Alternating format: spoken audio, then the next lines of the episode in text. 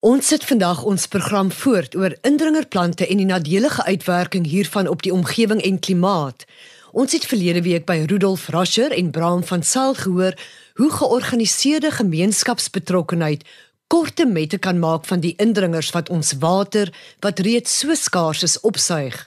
Danksy Landcare Weskaap en sy vennote word daar hard gewerk en metodies te werk gegaan om van indringerplante ontslae te raak. Een persoon wat nou betrokke is by die belangrike projek is Linda Jansen van Tulbag.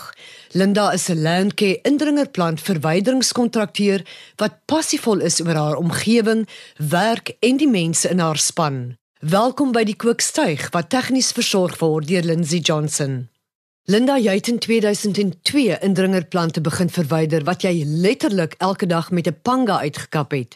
Nou ook dank sy Landcare besit jy jou eie indringerplant verwyderingsonderneming. Op die stadium toe ek by Landcare begin werk het, 2011, het ek maar nie regtig werkers gehad nie want die werk by werk vir water het minder geword en ek het toe maar my vlerke uitgesprei en toe by Landcare beland waar ek net met 12 werkers met 3 halfstukkende kragsaag gekom het en dan 'n bakkie wat ek gehuur het. Uh, maar binne 'n jaar by Lenke kon ek 'n uh, beter kragsaak koop. Ek kon my eie bakkie koop wat ek op my naam as Lins Valley kon registreer en 2 uh, jaar, 3 jaar later op tot op die stadium het ek nou 39 werkers. So Lenke het baie bygedra tot die sukses want ons het toe meer werk gehad. Daar was toe nie waar ons net 'n uh, bietjie op kontrakte gewerk het nie.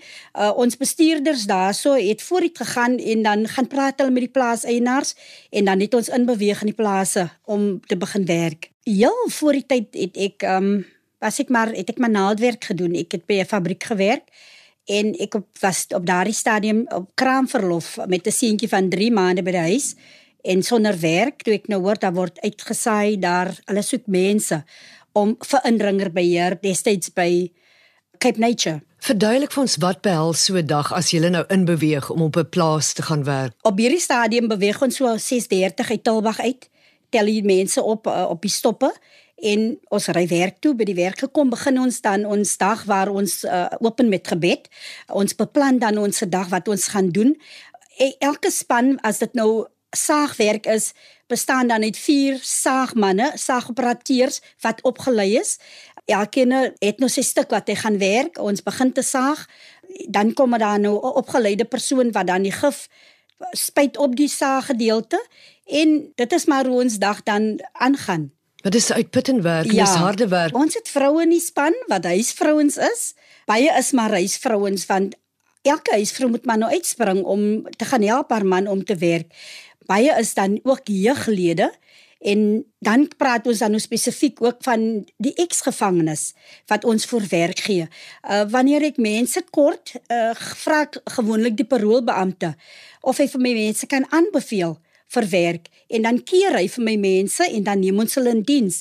En natuurlik elke persoon wat in diens geneem word, ek gee hulle 'n induksie uh, opleiding die dag wanneer hulle op sy kom, dan wys ons hulle presies watter plante word verwyder of ek sit hulle langs iemand wat al lankal reeds weet presies watter plante moet verwyder word. En dan eenmal 'n jaar kry ons formele opleiding wat dan bestaan uit kragsaagopleiding, health and safety, elke span bestaan uit 'n health and safety rep en dan ook noodhulpopleiding is deel van die span.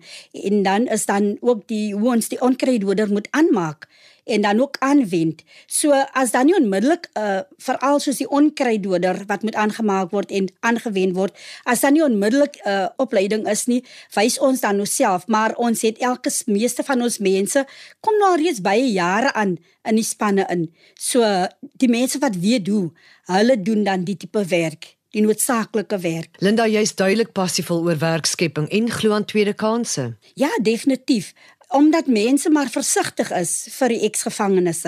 Besef ons nie aldag dat hulle gewone mense is soos ons nie. Kyk in die in die in die gevangenis word hulle gerehabiliteer en wanneer hulle daar uitkom het hulle al reeds baie programme geloop. So ek glo dat ons kan hulle maar heeltemal vertrou en omdat hulle gekeer is deur die beamptes, kan ons hulle gebruik. Is julle werk ooit gevaarlik? Baie gevaarlik. Veral die saag, die kragsaam mense Daar is maar baie kere ongelukke wat gebeur, maar ons is daarom gelukkig veilig omdat ons mense kry 'n hoë kwaliteit opleiding So dit is baie gevaarlik. Ek meen mense kan maar maklik gly ook uh, op op enige gedeelte, veral as dit gereën het, is dit maar gevaarlik en 'n mens moet maar dan ook uitkyk vir die slange teen alle mm. tye. So dit is maar een van die maar wat ek kan noem uh, uit hierdie hele situasie veral van die kragsa, wil ek net noem dat binne in ons uh, in ons lede is al alreeds manne wat so lank by my werk wat al soveel opleiding gekry het wat ons nou ook al gebruik.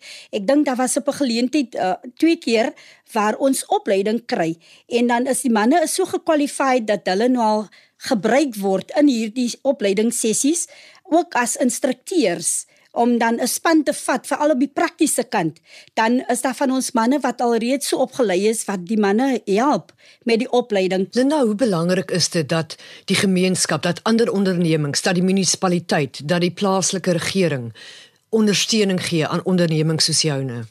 Dit is baie belangrik omdat werk so skaars is. Kan hierdie tipe werk vir die mense wat nie so hoog geleerd is nie of wat glad nie geleerd het, het nie hierdie werk kan dan vir hulle 'n geleentheid bied in ons gemeenskappe want die werk is maklik. Dit is nie jy het die kwalifikasies nodig om dit te kan doen nie en dan hoef mense nie leeg te lê op straat nie wanneer ons uh, nuwe werkers in diens neem, moet ons hulle ID-dokumente omdat dit deel is van die kontrakte wat hulle moet invul by Lenke, moet ons dit polisiestasie ons moet afdrukke maak en dan moet dit gesertifiseer word.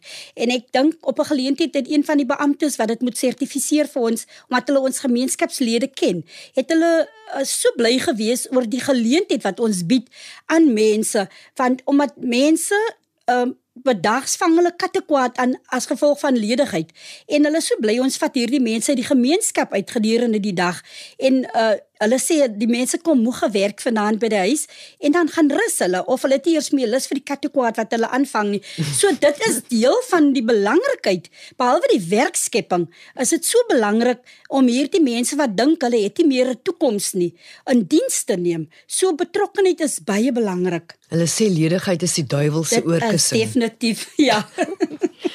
Linda, wat is die lekkerste deel van jou werk en wat is die moeilikste deel van jou werk? Die lekkerste deel is om elke keer gaan jy na verskillende plekke waar jy werk in die natuur en net om te weet jy doen 'n bydrae wat soveel verandering in ons lewens bring. Waterbesparing is een daarvan. En dan weet jy wanneer jy daar klaar is en jy kyk terug oor 'n jaar en jy sien die verandering wat daar is op die area. Dit is die lekkerste van alles om te weet jy doen 'n positiewe bydrae. Maar die die slegte gedeelte is natuurlik daar is baie risiko's verbonde aan hierdie werk.